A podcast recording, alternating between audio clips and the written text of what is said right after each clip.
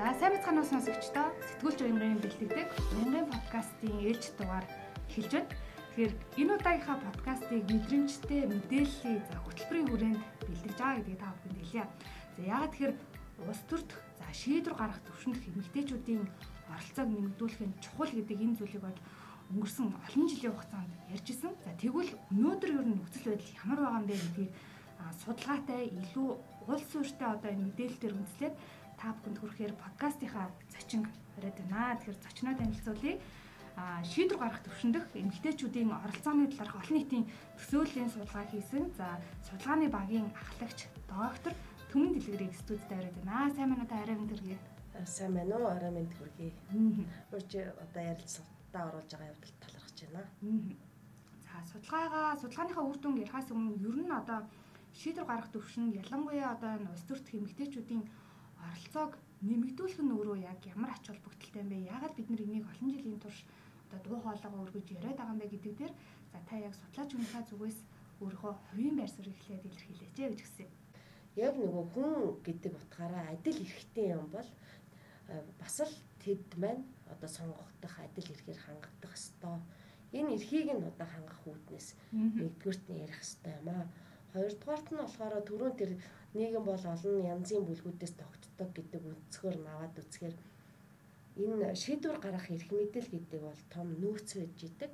Тэгэхээр тэр нөөцийн гадна үлдэж байгаагаараа бас яг социологч хүнийхээ үүднээс хариулаад үзэхэд шийдвэр гаргах эрх мэдэл бүхий байгаа хэсэг маань өөрсдийн бүлгийн ашиг сонирхол өөрсдийн бүлэгт асуудал гэж бодогдож байгаа харагдаж байгаа зүйлсийг шийд түлхүү шийдвэрлэхээр анхаарлаа хандуулдаг. Тэгвэл нөгөө талд нь үлдэж байгаа хэсгийнхний ашиг сонирхол хэрэгцээ мөн тэдний хувьд бол тулгамдаад байгаа асуудал маань тэр зонхлогч эрх мэдэлтэй хэсгийнхний асуудал биш болж байдаг. Тийм учраас шийдвэрт одоо тусгалаа олдохгүй үлдэх гээд байх хандлага байдаг.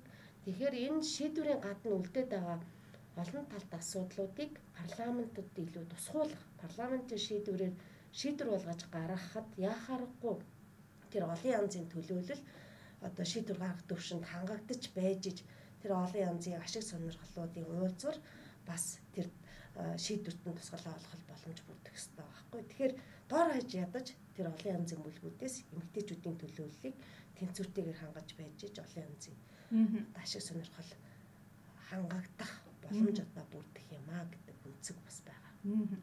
Аа та бүхний хийсэн одоо энэ шийдвэр гарах төвшөнд эмэгтэйчүүдийн талаар олон нийтийн зүгээс төсөөлж байгаа төсөөлөл за одоогоос нэг 10 жилийн өмнөхтэй харьцуулахад нэлээд өвдрөг байдлаар өөрчлөгдсөн юм уу да гэж би харсан.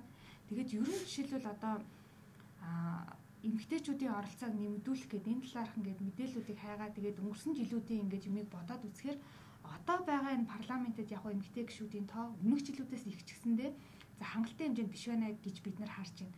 А гэхдээ энэ одоо бүрэлдээд байгаа энэ одоо эмэгтэйчүүдийн оролцоо чинь те өнгөрсөн энэ одоо 20 жилийн өмнөх те одоо тэр үеийн үеэс одоо улбалаад үр дүн нь одоо ингээ харагдаж байна. Тэгвэл одоо нийгэм ингээ эсрэгээрээ харьцангуй гендрийн талаар ойлголт жишээлбэл эмэгтэй хүний талаар нөгөө нэг боловсрал эзэмшүүлж байгаа юм хамаагүй өндөр байгаа шүү дээ.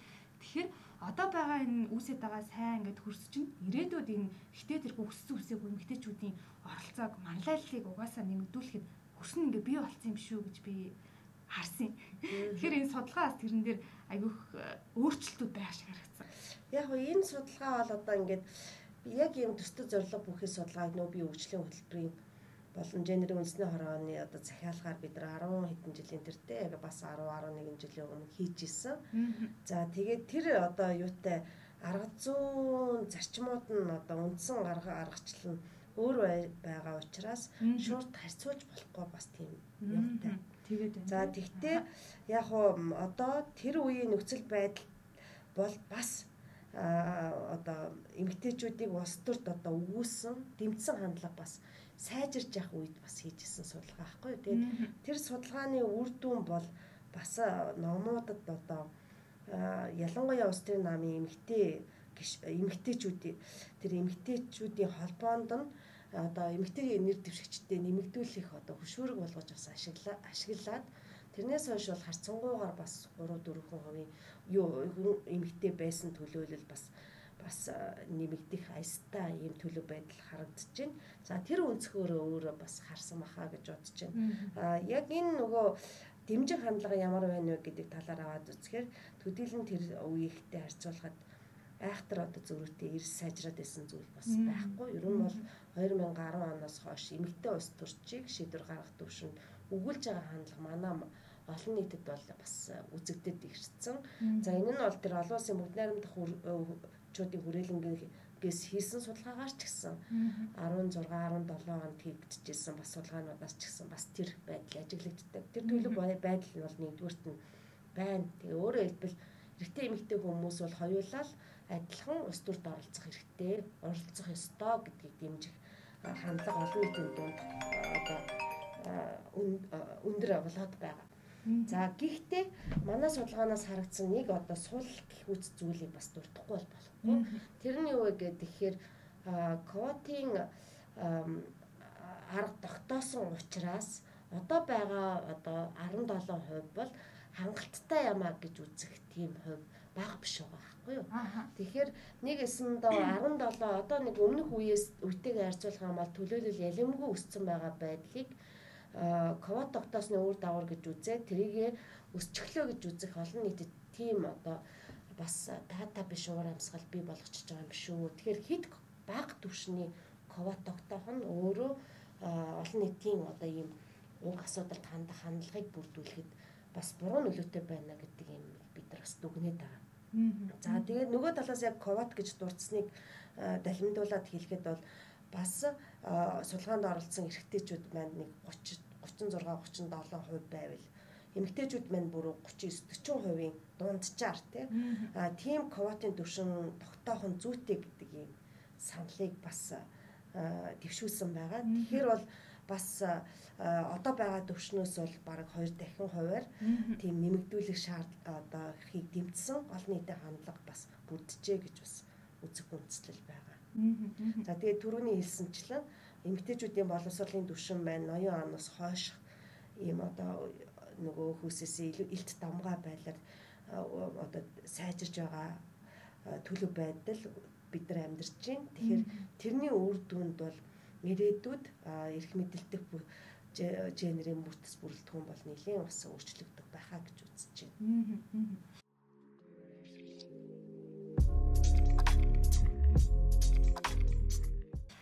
Одоо жишээлбэл за гендертэй холбоотой асуудлаар өнгөрсөн жилүүдэд бол бид нэр гендер гэдэг үгийг бол ингээл бараг танил болтлол ингээл сонслоо.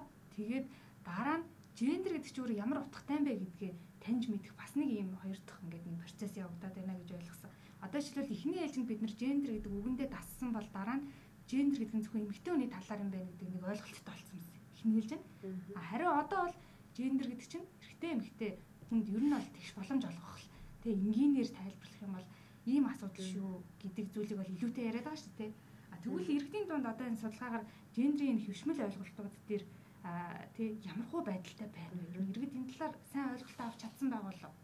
Ер нь яг зүгээр ихэнх энэ шийдвэр гаргах төвшөндөх эмэгтэйчүүдийн оролцооны төсөөлийн талаар хийгдсэн гадны оронд хийгдсэн судалгааны ажлуудад энэ генерийн хөвшмөл үзлийг тодруулаад тэрнтэй холбон судалсан явдал одоо нийтлэг байдаг юм байлээ. За тэрнийг бид нарын урьдчилан судалсныхаа үр дүнд тулгуурлаад за энэ судалгааныхаа үрээнд бол генерийн хөвшмөл үзэл ямар байгаа юм бэ гэдгийг тодруулсан. За ингээд үзэхэд бол бас хөвшмөл үзэл хэдийгээр одоо эрэгтэй эмэгтэй чүүдийг одоо тодорхой үйл ажиллагааны төрлийг дагнан эрхлэх болон тодорхой зам төлөв гаргах ялангуяа улс төрийн манлайлагч байхтай холбоотой зүйл дээр адилхан одоо гэдэг адилхан эрхтэй, адилхан боломжтой, адилхан чадна гэсэн ийм хариултууд нь дийлэх байгаа хэдий ч гэсэн бас яг нь хүүхдээ асрах ажлыг эмэгтэйчүүдэд түлхүү оногдуулдаг. За тэгээд эхнэр нөхөр хоёулаа мэдлэг чадвар одоо адилхан хэрнээ хинэн одоо ус төрөөр явбал дээр вэ гэдэг сонголтын дээр бас нөхрөн дээрээ гэдэг одоо сонголтыг түлхүү өгж байгаа буюу ус төрч байх дүрийг эргтээд одоо оногдуулж байгаа байдал зэрэгт бол хөвшмөл үзэл бас нэлийн хүчтэй байна гэдг нь бол харагдсан. Тэр дундаа эмэгтэйчүүдээс эмэгтэйчүүд маань эрэгтэйчүүдээс хүүхэд тасрах ажлыг өөртөө илүү авдаг. мөн үүнийхээ эсрэгээр одоо нөхөртөө ус төрч байхыг нь илүү даалгах юм чанартай өөрөө тэр ажлаас арай өөрийгөө зүгтаалгах шин чанартай хөвшмөл үзэл төлөхгүй илэрсэн буюу хүүсээс хамаарсан төлөв байдал ажиглагдчихж байгаа. За тэгээд энэ одоо хөвшмөл үзэл буюу хэнийг ямар дүрээр харж байна вэ гэдэг тэр дүр одоо үзлийн төлөв байдал маань эмэгтэйчүүдийг одоо ус төрд оролцохыг дэмжих байдалтай нь яаж холбогдож байна гэдгийг нь шинжилээд аваад үзэхээр хөвшмөл үзэлтэй хүмүүсийн дунд эмэгтэйчүүдийн оролцоог дэмжих үл дэмжих хандлага хөвшмөл үзэл багтаа хүмүүсийн хувьд бол одоо дэмжих хандлага нь арай илүү ийм төлөв байдалтай. Энэ нь бол статистикийн хувьд ч гэсэн аж холбогдлын төвшөнд жишээлбэл ирж байгаа. Тэгэхээр энэ дээрээс юу гэж бид нар хэлэх гээд байна вэ гэхээр энэ одоо шийдвэр гаргах төвшөнд сонгогч талаас олон нийтийн талаас одоо садаа учруулж байгаа барьеруудынх нь нэг бол энэ хөвшмөл үзэл байна. Тэгэхээр тэр хөвшмөл үзлийг нэг талаас заавал одоо өөрчлөхөд чиглэсэн арга хэмжээнүүдийг тууштай бөгөөд доктортой бас удаан хугацаанд энэ амар өөрчлөгдөх зүйл биш тийм ээ. Тэгжиж өөрчилж байж ч бид нар улс төрчийг эмгтэр дүүрээр харах хүүхэд тасрах ажлыг зөвхөн эмгтээчүүдэд бас оногдуулсан байдлаар биш хоёулангийн хийж болох дүүрээр тодорхойлох тийм хөвшмөл үзлийн өөрчлөлтийг одоо хийж чадах юм а гэж үзэж байгаа. Энэ өөрчлөлт бол их чухал ач холбогдолтой өөрчлөлтүүдийн нэг байх хаа гэж харж байна. Одоо шилбэл аливаа улс орнууд за эдийн засгийн хувьд ч юм уу ямар нэгэн салбараар одоо ингээд хөгжил нь тодорхой нэг замналаар ингээд туулаад явдаг штэ тий.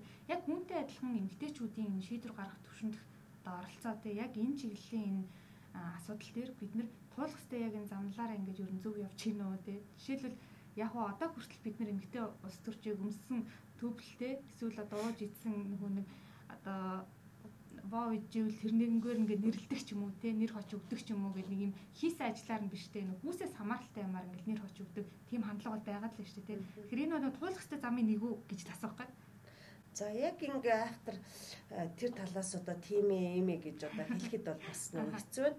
Тэр одоо массын зүгээс Дээрээс нь энэ маст хүргэж байгаа мэдээллийн одоо дундуур нь байгаа оролцогч талууд байгаа шүү дээ. Жишээлбэл одоо хэвлэл мэдээллийн энэнд те ямар өнцгөр нь тэр дүрийг тэр хүмүүсийг харуулах вэ гэдэг юм дээр өөрөөр хэлбэл орлон нийттэй харилцах ажил нь өөрөө яаж тэр эмэгтэйг яаж харуулах вэ гэдэгт бас тоглогч нар байгаа.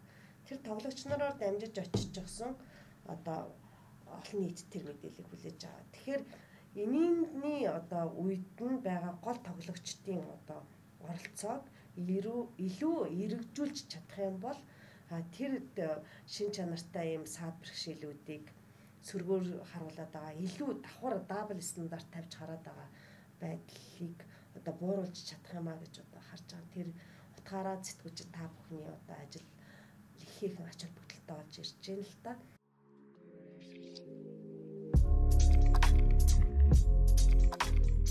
яг ус төрч манлайлагчийг яг хинээр хараад байгаа. Тэгээ ямар шин чанартайгаар хараад байгаа юм бэ гэдгийг бид нар бас сулгаагаараа үзсэн. Ингэхдээ нэг юм эрэгтэй ус төрчийн сүлээгээд байдаг түгээмэл тийм эрэгтэйлэг гурван шинж нөгөө талд нь эмэгтэй ус төрчдөд түгээмэл илрээд байдаг. Гурван шинж хоёроор нь эсрэгцүүлээд олон нийтээс нөгөө судалгаанд хамрагдсан хүмүүсээс асуунгууд танд одоо манлайлагч улс төрийн манлайлагч хүнд ямар чанар нь байх хэрэгтэй юм бэ гэдгийг асуугаад үзэхээр нэг эхний дөрөв нь болохоор тэр шийдэмгий тэмцэгч. За тэгээд зөрөгтэй за тэгээд мөн бас нөгөө эмгтэй чанаруудаас нь бол бусдыг ойлгодог гэдэг чанар бас яг тэмцэгч гэдэгтэйгээ эдгээр хувийн жингээр хариулсан байгаа мэл та. За тэгээд өөрөөр хэлбэл энэ дээрээс нэгдүгürt бол манлайлагчийг яг юм эргэжтэйчүүдэд илүү төлхөө байдаг чанараар хүлээгээд байна гэдг нь бол харагдчихэв тийм ялангуяа зоригтой шийдмэг гэдгээр нь. Хоёрдугаарт нь аль нь одоо эрэгтэй улс төрчдөд илүү зохимжтой байх хэрэгтэй мэ хамгийн их зохимжтой байх хэрэгтэй маш их их хэрэгтэй гэдэг хуваар нь бид нар шинжилээд аваад үзэхээр эрэгтэй улс төрчдөд тэр эмэгтэй улс төрчдөд тэр шийдэмгийн зоригтой тэмцэгч гэсэн гурван одоо чанарыг нэг улс төрчдөөс хүлээгээд байгаа байдал харагдаж байна л да. Тэгэхээр нэгэсэндээ эрэгтэй улс төрчдөөс ч тэр эрэгтэйлэг шинжээг эмэгтэй улс төрчөөс эрэгтэйлэг шинжээг хүлээж байна гэдэг нэг зүйл байна. Аргумент тийм. Хоёрдугаар нэг зүйл нь болохоор чанарын судалгааны баримтуудаас эдгээрийг дурдж одоо илэрхийлж байгаагийн зэрэгцээгээр эмэгтэй хүн намтай байх хэвээр, даруй байх хэвээр, гоё гамган баг ингээд тий хинцэр ихэмсэг байх хэвээр гэсэн бас ийм даруй харилцааны соёлтой байх хэвээр гэсэн ийм шаардлагыг эрэгтэйчүүдэд тавихгүй байгаа хатлаа эмэгтэйчүүдээс бас тавьж байна. Тэгэхээр нөгөө улс төрч эмэгтэй маань эрэгтэйлэг байх ч нэг тохиолдолд нөгөө талд нь эмэгтэйлэг байх ч гэсэн ийм эсрэг цэлсэн дүүргийн хүлээлтийн дунд одоо олон нийт маань тэдний хүлээгээ зогсож байгаа жишээтэй. Тэгэхээр энд өөрөө зүгээр би хоёр талаар дүгнэж болох юм л да. Тэгэхээр ингээд энэ дунд эмэгтэй хүн аль дүрээр нь ороод ингээд явах юм байна гэдэг. Мандхаа нарын одоо нөгөө одоо антропологчдын судалгааны нэг талаас аваад Монголын эмэгтэйчүүд маань сонгогдохын тулд маш их тийм хүчин чармаалт гаргаж маш олон янзын дүр тойрож одоо тийм ээ маш их одоо хичээж гадаад байдалтаас ч анхаардаг боловсролтоос ч анхаарч идэг. За тэгээд олон нийтэд харилцах байдал дээр ч анхаарч идэг. Ийм олон зүйлүүдийг амжуулж амжуулахаас аргагүй нөхцөл байдалд байгаа байна. За хэдийгээр тэдгээрийн тэр боловсрсан мэдэр одоо хөгжсөн байдал нь хангалттай түвшинд хүрсэн байгаа боловч олон нийт нь тийм утгаар нь хүлээж авахгүй байгаа учраас олон нийтийн одоо тэр ус төрчийн дүрийг өөрчлөхөд ч гэсэн арга хэмжээ чухал юм агсан дүгнэлтийг яг академик судалгаа талаас нь хэлчихэж байгаа байхгүй. Тэгэхээр бид нар ч гэсэн яг ийм одоо төстэй дүгнэлтийг хиймээр байгаа байхгүй. Тэрнээс биш одоо алим болгон одоо массын хүлээгээд байгаа зүйлүүдэд нь хувираа гэж одоо хүүхнүүдэд шаардах вэ. Харин бид нар нөгөө үзэж байгаа сонсож байгаа талыгаа яаж өөрчилж болох юм бэ? Юун дээр тулгуурлаж хамтын хүчээр бас энийг шийдэж болох юм бэ гэдгийг харуулж байхгүй юу. Зөв энийг хүндэ гэж хэлэхэд бол хэдхэн жилийн өмнө одоо 10 гаруй жилийн өмнө гэсэн үг шүү дээ. чинь бас яг цаг хугацаагаар бодвол хэдхэн жилийн өмнө шүү дээ. Одоо сэтгүүлчдийн дунд маань одоо ажлын байрны бэлгийн дарамтыг хайрлаж дурлцах одоо ажлын байран дээр ирэхгүй болоо юу гэдэг тийм баг нэртэй сэдвтэй одоо бэлгийн дарамтыг бол илт одоо өмөрсөн одоо байж болох хэвийн зүйл гэдэг гэж бараг тий энэ чиглэлд ажиллаж байгаа эмэгтэйчүүд тэдний төрийн бас байгууллагыг одоо одоо мөнгөний төлөө ажиллаж байгаа байгууллагууд гэж маягаар шошголсон ийм одоо нийтлэлийг нэртэй сэтгүүлч бол хэвлүүлж исэн байгаа байхгүй юу. Тэгэхээр тийм одоо өгүүлэл нийтлэлийг өнөөдөр сэтгүүлч хин нэгэн сэтгүүлч одоо хэвлээд нийтүүлээд эсвэл одоо нэвтрүүлэг болгоо цацах юм бол олон нийт яаж хүлээж авах бол тийм ээ. За тэгтэл ийм одоо харьцангуй богино хугацаанд бол одоо бас чиг өөрчлөгдөж байна гэдэг нь харагдаж байгаа байхгүй юу. Мөн яг энэтэй адилхан жишээ бас дурдж олно те гэр бүлийн хүчээр хийлэг жишээлбэл одоо цагтаа өөд хоёрын одоо гэр бүлийн л ажил асуудал байна штэ. Тойрыг очроо ол гэд орхио явчихдаг. Дуудлага өгөхт нь. Тийм төлөв байдал бас л нэг хэдэн жилийн өмнө байсан бол өнөөдөр дор хаяж зөрчил тэгээ эрүүгийн хэрэг гэж үзэх тийм хандлагад орчиж гинэ гэдэг бол бас л энэ мэдлэг нөлөөлийн ажлын үр дүн бас байна. Энийн шиг бас бид нар олон нийтийн дэх дүрийг өөрчлөх бололцоотой л гэж харж байна.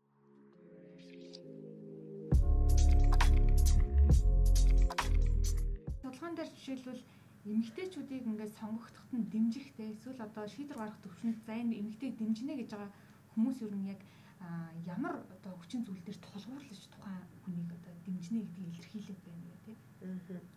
За ерөнхийдөө бол ингээд бид нар айгүй олон аргаар ингээд судалсан судалгааны баримтуудаас харахаар бол эмэгтэйчүүдийн бас нэг том давуу тал бол тэр боловсралтай мэдлэгтэй.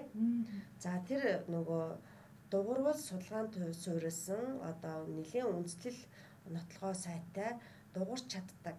Тэрийн дээрээ зогсож чаддаг. Тэрнийхээ төлөө одоо тэр ажлаа одоо хэрэгжүүлж чаддаг. Өөрөөр хэлбэл эхнээс нь аваад асуудлыг төвшүүлэхээс ихсүүлээд асуудлыгаа шийдтэл нь одоо бас одоо зүтгэж ажиллаж чаддаг юмаа гэдэг ийм үндслүүдийг ялангуяа одоо тэр нөгөө тэр нутагт нь эмэгтэй улс төрч одоо юу гэдгийг засаг дараагаар нь ажиллаж исэн. Эсвэл тэр тухайн орон нутагт нь бол улсын их хурлын эмэгтэй гишүүн ажиллаад тэгэж бас ажиллаж чадсан тийм газар нутгуудад ийм одоо эрэг үнэлгээ эднэр бол яах нь хүчтэй байна. тий. Өөрөөр хэлбэл одоо тэр хүний ажлынс нь дүгнэлт хийгээд тийм дүгнэлтийг хийх үс байна гэсэн үг шүү дээ тийм ээ. А тэгтэл бүх газар бас юм биш. Тэгээд ингээ харилцаа адилхгүй. Тэгэхээр энийн дээрээс бас юу гэж хэлэх гээд байна вэ гэхээр тэр сонгогдсон байгаа газар тэрний сайн талыг харах одоо бололцоо бүтэж байна. а одоо сонгож үзээгүй байгаа газрын хувьд бол зөвхөн төсөөллөөр олон нийтийн дунд явагдаж байгаа юган яриагаараа одоо хөвшмөл үзлээрээ тодорхойлогдсон дүгнэлтүүдийг хийгээд явчих магадгүй. За манлайлагч эмэгтэйчүүдийг нэрлүүлээд ингээд аваад үзэхээр бас нэг юм байгаад байгаа байхгүй. Яг энэ сая ярьсан зүйлтэй холбоотой гол төлөө одоо сайд хийжсэн сайд хийж байгаа а тухайн том одоо улс төрийн намынхаа намын эмэгтэйчүүдийн холбооны тэргүүн байсан улсын хурлын гишүүн байсан. За тэгээ эмэгтэйчүүдийн бүлэг гэж албан бос бүлгийнхээ тэргүүн байсан за гих зэрэг ийм өндөр албан тушаалд хүрчгсэн байгаа эмэгтэйчүүдийг бас нэрлээд байна Мөн эсвэл одоо жагсагч тэмцэгчээр одоо танигдсан байгаа ийм одоо популист шин чанартай бас улс төрчдийг нэрлсэн байна. За тэгээ энэ дээрээс нь харахаар тэр өндөр албан тушаалд эмэгтэй хүнийг ажилуулах нь өөрөө эмэгтэйчүүдийг хүлээн зөвшөөрөх манлайлагч гэж харах үнцэг нэмэгдээд байна гэдгийг харуул. Тэгээд одоо манлайлагч эрэгтэй эмэгтэйчүүдийг нэрлүүлсэн гэж түрүүн хэлсэн шүү дээ. Нээлттэйгээр асуугаад нэрлүүлэхэд за тэгин гэхэд бол нөгөө эмэгтэй ус төрч одоо малаалагч ус төрчийг нэрлсэн давтамжийн одоо хувь тоо эрэгтэй одоо өнөөдөр хамгийн их одоо алдартай байгаа нэр хүнд өдөртэй ус төрчийн давтамж хувийн жингээс өндөр биш.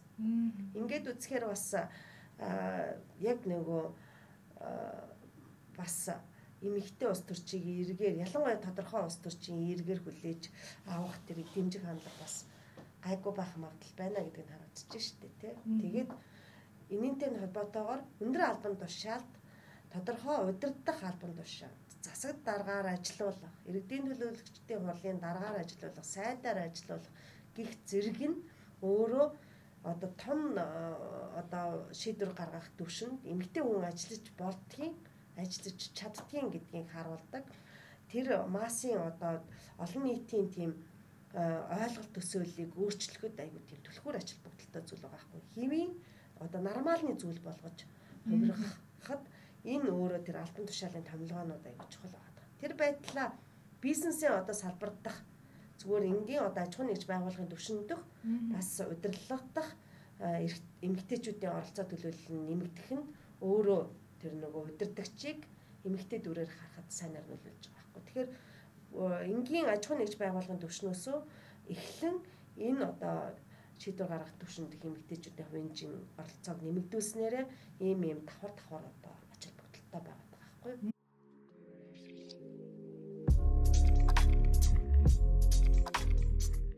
Одоо жишээл ингэдэг штэ эмэгтэйчүүд улс төрт аа гарахаар нийгмийн асуудлууд дээр илүү төвлөрч анхаарч ажилладаг тийм.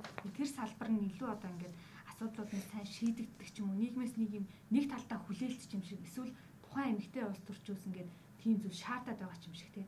Тэгэд энэ агуулга юу нөөрөө хэр зөв юм бэ тий. Нөгөө гендрийн хөвшмөл ойлголт энд яваад байна уу? Эсвэл нөгөө нэг угаасаа л эмэгтэй хүн юм ч одоо тэр асуудалд анхаармаар байдаг болоод тий ийм үр дүн өсөл гараад идэм болооч гэж бодох шиг тий. Энэ дээр та юу гэж бодож байна? Энэ нөгөө эрэгтэй дамгаалсан улс төрийн бүтцэд гол төлөв бол бас тэр тэр тэргүй одоо шийдэгдээд явдаг дэг байдаг юм уу. Тэрлүү хөрөнгө оруулалтыг шийдвэрүүд бол аяанда шийдэгдэх гараа явцдаг. Тэрнтэй цаана нь бол бас нөгөө тэр шийдвэр гаргаж байгаа субъектүүдийн ашиг сонирхол холбогдоо явцдаг. Учираас асуудал болж харагдаад тэрийн тэр асуудлыг шийдэх хөрөнгө шийдэгдээд явчихна гэсэн үг тийм. Гэтэл нэлийн олон одоо нийгмүүдэд тэр яриад байгаа нийгмийн асуудлууд чинь бас харагдаж өгдөхгүй. Аа тэр хүүхдийн асуудал чинь тийм ээ тэр гэр бүлийн хүчирхийллийн асуудал чинь тэр эмэгтэйчүүдийн эрхийн асуудал чинь бас тийм одоо байнга анхаарлын төвд байгаад байдаг юм бас биш байхгүй юу. Тэгэхээр тэр тэдгэртэй холбоотой асуудлыг хүндэн тавьж одоо асуудал болгож дэвшүүлээд асуудлыг шийдэх шийдлийг нөөцтөн шийдэж өгнө гэдэг бол бас одоо эмгтээчүүд манлайлахаас өөр аргагүй байгаа байхгүй. Яг гэвэл тэд энэ асуудлыг сайн мэддэг тэдний амьдралд хамаатай тэдний хэрэгцээ учраас.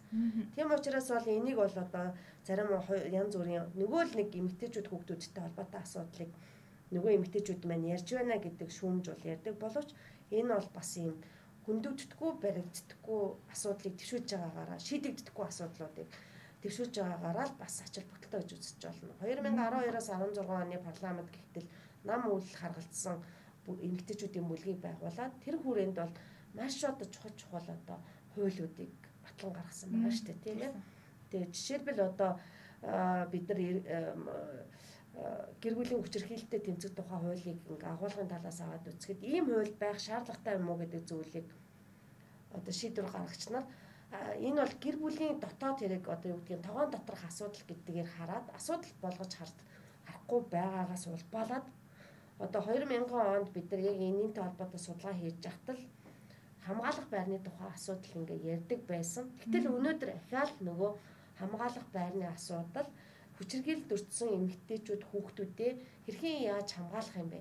Тэгээд хүчирхийлэгчээс э, салсан буюу даван туулж байгаа нөхцөлд нь тэднийг яаж дэмжих вэ гэдэг юм бүрэн утгаараа шийдэгдсэн нүг гэвэл бас л асуултын нэмд хэвээр байгаа байхгүй. Тэгэхээр нөгөө асуудал нь бүрэн дүрэн утгаараа шийдэгдээгүй мөн л одоо анхаарлын төв тавьж ялангуяа төсвийн хуваарлтыг өгөх одоо зохих төсвийг нь одоо шийдэж өгөхөд бас л эмэгтэйчүүд их юм дуу хоолой орж өгөхгүй бол энэ асуудлуудад эрэгтэйчүүд одоо шийдвэр гаргаж зохистойгоо шийдэж одоо анхаарч чаддаггүй. За яг нөгөө бас хөвшмөл үзлээрэл тэр асуудлуудыг шийдэж гинэ гэж үзэж болох хэдий ч гэсэн бас манай эмэгтэйчүүдийн бас тодорхой улсын хурлын гишүүдийн хувьд бол өмнө нь байсан гишүүдийн хувьд ч гэсэн эдийн засгийн асуудлуудыг, төсвийн бодлогын асуудлыг, хөрөнгө оруулалтын асуудлыг тийм ээ өөрийн мэдлэг боловсруулалтаараа илүү давуу байдал талаа харуулж тийм ээ дүүн шинжилгээ ээж одоо үндэслэгээ нотолгоог нь дэвшүүлж ингэж дуу хоолойгоо өргөжсэн бас өчнөө тохиолдол байдаг. За тэгээ энэ зүйл нь бол одоо бас л чадж байгаа гэдгийг нь бол харуулж байгаа үнцэг байхаа гэж бодож байна. Аа энэ судалгаан дээрээс бас нэг за арай өөр юм болов гэж харсан үнцэг нь за эмэгтэйчүүд ер нь бол эмэгтэйчүүдэд дэмждэггүй ч юм уу те нэг ийм хандлага байдаг. Тэрийг бас арай үүсгэсэн ийм тоонууд харагдаж шиг байсан л та. Эмэгтэйчүүд эмэгтэй одоо нэр дэвшиж байгаа хүмүүсийг илүү дэмжих юм хандлага байна гэсэн байсан. Та тэрэн дээр нэрээ задлаад тайлбарлав те. Яг хоо зүгээр ингээд эмэгтэйчүүд эмэгтэйчүүдэд дэмждэггүй гэдэг бас ийм яриа бас түгээмэл ажиглагдаад байдаг. Чанарын судалгааны хувьд ч гэсэн ялангуяа эрэгтэй ус төрчдийн зүгээс бас ийм эрсэр одоо ярих нь байсан. Гэвч одоо тоон баримтуудаас харахаар хин одоо эмэгтэй хүнийхээ төлөө саналаа өгсөн байна вэ? Хин нь илүү өгсөн байна вэ, тий? Хин нь одоо эмэгтэйчүүдийг илүү ус төрч байж чадна гэдэгт илүү ихтэй байна вэ гэдгийг нь харьцуулан шинжилээд үзэхэд яа харахгүй эмэгтэйчүүд юм байна. Эмэгтэйчүүд нь илүүтэй дэмжиж байна гэдэг нь тоон судалгааны баримт бол харуулад байна. Хоёрдугаарт нь болохоор чанарын судалгааны баримтуудаар аваад үзэхэд эмэгтэйчүүдийн одоо сайн ус төрч байхтай холбоотой үнэлгээнүүдийг эмэгтэйчүүд маань дэвшүүлэхдээ эрэгтэй эмэгтэй гэлтгүү айгүй олон үндслүүдийг гаргаж ирээд за мөн аль аль нь байж болно гэдэг дээр айгүй сайн сайн үндслүүдийг гаргаж ирээд хэнийг ч дэмжихэд бэлэн байгаа бүлэг байгаа байхгүй юу. Харин эрэгтэйчүүд маань болохоор эрэгтэйчүүдийгээ дэмжих үндслийг айгүй тэд нар олон талаас гаргаж ирээд дэвшүүлж чадчихэв. А одоо дунд насны болон ахмад ялангуяа эрчүүдийн хувьд бол эмэгтэйг дэмжих үндслийг хангалттай сайн гаргаж өгч чадахгүй. Зөвхөн ер нь бол өөрчлөлт үзье.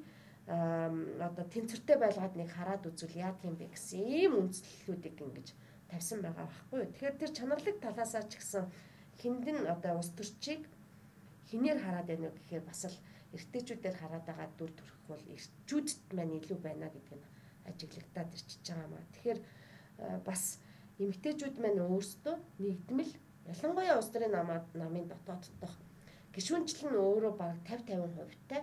Тэгэхээр тэр улс төрийн намын дотоод дох эмэгтэйчүүдийн бүлэг маань өөрөө нэгдэлтэй том хүчтэй одоо сүлжээ болж чадчихэж өөрсдийнхөө одоо төлөвлөлийг нэмэгдүүлэхэд одоо нэгдмэл дуу хоолойтой байж чадаад ахиул дахиц дэвшил гарганаа. Аа харин зүгээр эрэгтэй ус төрчийн доор тэдний сүлжээнийг нэгэн дэмжигч дэмжигч хэлбэрээр яваад ах юм бол энэ нь бол төдийлөн бас нөгөө ахис дэвшил гарч чадахгүй. Тэр багийн нэгдэлтэй байдал гэдэг талаас харах юм бол бас арай өөр утгаар тайлбарлах бас өөр нөхцөлд ороод ирэхээр тайлбарлах боломж бас зайшгүй шаардаад байна гэж бодож байна. Одоо шийдвэл саяны ярьсан үр дүнг ингээд эргүүлээд хараад үзэхээр за гендрийн хөвшмөл ойлголтыг ирчүүдэд бас илүү сайн гэж ярьж чиглэлийн боловсрал олгох шаардлагатай нь харагдаж байна гэж би жишээлбэл харж байгаа хгүй энэ хэр зөв өнцөг байна вэ? Тий, яг санал яаж тэр тухайл хэлээд байгаа. Тий. Ирчүүдэд бол нөгөө дэгээ өөрчлөх тийм одоо доктортой арга хэмжээ явуулах нь. Гэхдээ одоо залах хайхгүйгээр одоо тэднэрт эсрэгцүүлсэн хэлбэрээр биш те. Их оновчтой стратеги барьж явахгүй бол өө одоо нөгөө дайсаг нуусан юм шиг эсрэгцүүлсэн юм шиг одоо баг антагонист зөрчилтэй юм шиг баг тийм үр дагавар хүргэхгүйгээр маш нэдрэмжтэй хамтын хүчээр энэ одоо асуудлыг ард гарч чадах юм аа. Энэ нь өөрөө одоо эрэгтэйчүүдийн дэмжлэг өөрөө чухал юм аа. Энэ бол эрэгтэй үний баг одоо тий соёлтой боловсралтай хүний эрхийг дэдэлдэг байдлынх нь илэрхийлэл юм аа гэдэг өнцгөр. Одоо хүргэж чадах юм бол эрчүүдийн хандлагыг өөрчлөх болцоотой гэж бас үздэг. Ер нь бол нөгөө нэг гендертэй холбоотой ингээл асуудлуудыг бахаар За хүчирхийлэхээр хохирогч нэмэгтэйчүүд байна гэж хэлээд байдаг дээ. Гэтэл цаана нөгөө эрэгтэйчүүдийн энэ гендертэй холбоотой тулгамцсан асуудлын шийдэггүй болохоор боловсрол муу эзэмшдэг ч юм уу те одоо ингээ янз бүрийн хүчин зүйл нь эргээд хүчирхийлүүлэхэд ингээ дам дамаа нөлөөлж идэг ингээ ийм цикл шиг одоо ийм эргэл одоо эргэх холбоотой ийм асуудлууд байдаг юм шиг харагдсан шүү дээ. Тэгэхээр одоо яг энэ яг улс төр улс төрт эмэгтэйчүүдийн оролцоог ч юм уу шийдвэр гаргах төвшөнд эмэгтэй хүний оролцоог одоо ингээд нэмэгдүүлэх нь аль нэг хүсний илүү гараад нэг ялах гээд байгаа ч юм биш тий. А гэтэл нөгөө нэг тухайн одоо эрэгтэй уус төрч гэсэн ээжтэй охинтой ингээд бас нэг хүмүүстэй гэр бүлтэй л байгаа. Тэгээд яг тэр асуудлууд ингээд адилхан шийдэх тэр боломжийг л хоёр одоо хүүсийн өнцгөр нүдээр харна л гэсэн үг шүү дээ тий. Одоо тэр улс төрийн эрх мэдэл байгаа эрчүүдээс цөмөрөө дурандаад харах юм бол айгүй тийм баян чинэлэг эрчүүд байгаа даа шүү дээ. Баян чинэлэг эрчүүд маань доогор боловсралтай ядуу зүдүү дангаар өрөх толгойж байгаа эрэгтэйчүүдийн төлөөлөл байж уу гэдэг үзэх юм бол энэ бодлоо зүйл байхгүй. Тэгэхээр харин чиг тэр нөгөө туслан дэмжлэг шаардлагатай байгаа бүлгийнхний асуудлыг илүү хөндөж тавьдаг нь ямар ус төрчин бэ гэд үзэхээр яах нь эмэгтэй ус төрчтэй байхгүй. Тэгэхээр эмэгтэй ус төрчдийн дараагийн нэг давуу тал нь тэр нөгөө э, нийгмийн гадна үлдчихсэн анхаарлын гадна үлдчихсэн байгаа төсөө хуваарлагдахгүй байгаа зүйлийг нөгөө амьдралтаа одоо илүү одоо тийм наривчилсан цөөн юм шиг одоо э, цөөнхийн юм шиг байгаа зүйлүүдийг төвшүүлж тавьж байгаараа бас нөгөө чухал үүрэгтэй байхгүй. Жишээлбэл одоо бидний эмэгтэйчүүдийн асуудлыг дүүлгэн ярихын одоо асуудлуудыг одоо анхаарах ёстой гэж ярихын зэрэгцээгээр эрэгтэйчүүд тулгамдж байгаа нөгөө таны өөрсөй чинь дурдсан асуудлуудыг ч бид нар ингээд жишээлбэл дэвшүүлж ярих хэрэгтэй болоод ирч чинь тий. Өөрөөр хэлбэл одоо сургууль завцарцснаасаа улбаалаад аа одоо эхнэр авч чадахгүй байгаа. Олон тооны малчин залуучууд байна. Өөрөөр хэлбэл одоо ялангуяа нөгөө нас нь одоо 30 гарцсан ирнэ. Эхнэргөө байгаа яг залуучуудын боловсролын түвшнийг нь бид нар бас малчтын судалгаагаараа шинжилээд үзэнгүүт боловсрал бага байх тусам тэр байдал илүүтэй ажиглагдах шинжтэй байна. Тэгтэл яг энэ социологчийн өнцгөөр хин одоо хосоо яаж энэ орчин үеийн нийгэмд чинь олж авдаг юм бэ гэдэг маань бас л нөгөө эргэн тойрны орчин тойрон одоо байнгын харилцаа холбоо тогтоодог хэсгээс одоо авдаг. Гэтэл түүний эргэн тойрны нэг ангийн нөхөд гэж тэнд байхгүй. Тэр нэтворк буюу сүлжээ байхгүй. Тэр сүлжээ нь өөрөө нөгөө хосоо олох нэг том сувг байж идэг. Тэр боломж нь хязгаарлагдмалаас болоод ийм жишээлбэл үр дагавар төрөгцсөн байгаа байхгүй мөн нөгөө талаас болохоор тэр нөгөө боловсрал дорой байгаагаас улбаатайгаар олон дав үр давар гарч ирж байгааг нэг нь жишээлбэл архинаас хамаарах хамаарал. Хэдэн одоо нийт одоо ийм өвчлөлтөй байгаа хүмүүсийн хэдэн хувь нэрчүүд үлээ. Шоронд ял эдэлж байгаа хүмүүсийн хэдэн хувь нэрчүүд үлээ. Өөрөөр хэлбэл уураа зохистойгоор дарах одоо санаатаа санамсаргүйгээр одоо юу зохисгүй үйлдэлийн одоо эргэтэлэг байх, зоригтой байх, хүчтэй байх гэдгээр өнгөрч сагсуурсныхаа үр дагавар болоод шоронд хариуцж байгаа олон залуучуудыг бид нар мэднэ тийм ээ. Тэгээ энэ зүйлүүд бүгдөө тийм нөгөө Э, нийгмийн сайн сайхан байдлын дандаа эсрэгэл ойлголтууд. Энэ бүгд үрг гэр бүлд эхнэр нөхөр хоёул хоёулаа инээж байх нөхцөл нь юу юм бэ? Бие биенийхээ эрхийг хүндэтгдсэн уур амьсгал бүхий газар л тэр инээд хөр баяр байсгал аж аргал байдаг. Тэгэхээр гендер гэж ярьж байгаа гендерийн тэгш эргэтгш байдлыг тогтооно гэдгийн зорилго бол яг үнэндээ аж аргал сайн сайхныг хоёулаа бүгдөө одоо одоо мэдрхийг л хэлж байна гэж бас хэлэх дуртай. Тий. А та бүхний хийсэн сон сүүлийн үед одоо манай зээдүүд за тэрний дараагийн үеийнхэн бол харьцангуй зүгээр миний одоо ингээд гадуур сурвалжлага бэлдээд явж ахц ч юм уу те ажигласнаар чи хүний эрх зөрчигдсөн ч юм уу эсвэл юм гендертэй холбоотой юм асуудлууд төр айгүй мэдрэг хандаж ингэж тэрийг соргоор хараад байгаа юм шиг нэг тийм хандлага бол надад ажиглагдсан. Тэгээд ирээдүйд жишээлбэл шийдвэр гаргах төвшөнтэй улс төр эмгчээд эмгтээчүүд сонгогдлоо гэж бодоход өмссөн хуцаараа биш хийсэн ажиллаараа шүүмжлүүлдэг тийм ингээд хандлага бий болох тийм цаг бол нийл ойрхон юм шиг бол надад мэдрэмж төрөө гэгээлгэр харж байгаа шүү дээ. Тий. Тэгээ өөрөө хэлэх юм бол бид нар чинь нэг юм олон юмн дутуу гочоо байсан үеийн олон янзын түүхэн үеийн төлөөллүүд нэг дор баг ингээд амьзууж байгаа ийм ерөн үед явж гин тийм ээ. Арай өөр одоо нийтлэг төлөв байдалтай болцсон э, болох үе бол ирээдүйд байгаа шүү дээ тийм. Тэгээд бас э, хүний эрх гэж юу юм бэ гэдэг ямиг бараг нэгдүгээр ангиас заалгасан. Аа сургуулийн өмнөх боловсролдоо ч гэсэн хүний хүндэтгэх тухай агуулгыг мэдэж өсөж байгаа хүүхдүүд одоо бидэнтэй зэрэгцэн амьдарч чинь тэд олон холоод ирж байгаа тохиолдолд энэ байдал өөрчлөгдөх нөө. Тийм. За тэгэхээр подкаст энэ төрөд өндөрлж байна. Тэгээд студид маань урилга хүл авч ирээд тэгээд маш одоо өн цэнтэй судалгаагаа бас тайлбарлаад ирсэн танд маш их баярлалаа. За баярлалаа. Тэгээд би урьж бас энэ талаар яриулсан удалд баярлалаа. Та бүхний ажилд амжилт хүсье. За баярлалаа. За сонсогчдоо сэтгүүлч уянгын подкастын ээлж дугаар энэ түрээд өндөрлж байна. Тэгээд Өнөөдрийнхаа подкастаар яагаад бид нар ер нь улс төртөхтэй шийдвэр гаргах төвшөнд эмэгтэй хүмүүсийн оролцоог нэмэгдүүлэх шаардлагатай байгаа юм. За нийгэм ер нь тэднийг ямар өнцгөөс нь яаж хараад байгаа юм судалгаа тоо ер нь яг юу ярьж байгаа гэдэг маш өргөн хүрээтэйгээр мэдээлэл бас зэгцтэй өгөхийг зорилоо. Тэгээд бидэнд мэдээллийг судлаач одоо түмэн хэлбэр доктор манаас өглөө. Тэгээд подкастынхаа дараагийн дугаараар уулзлаа. Түр баяртай.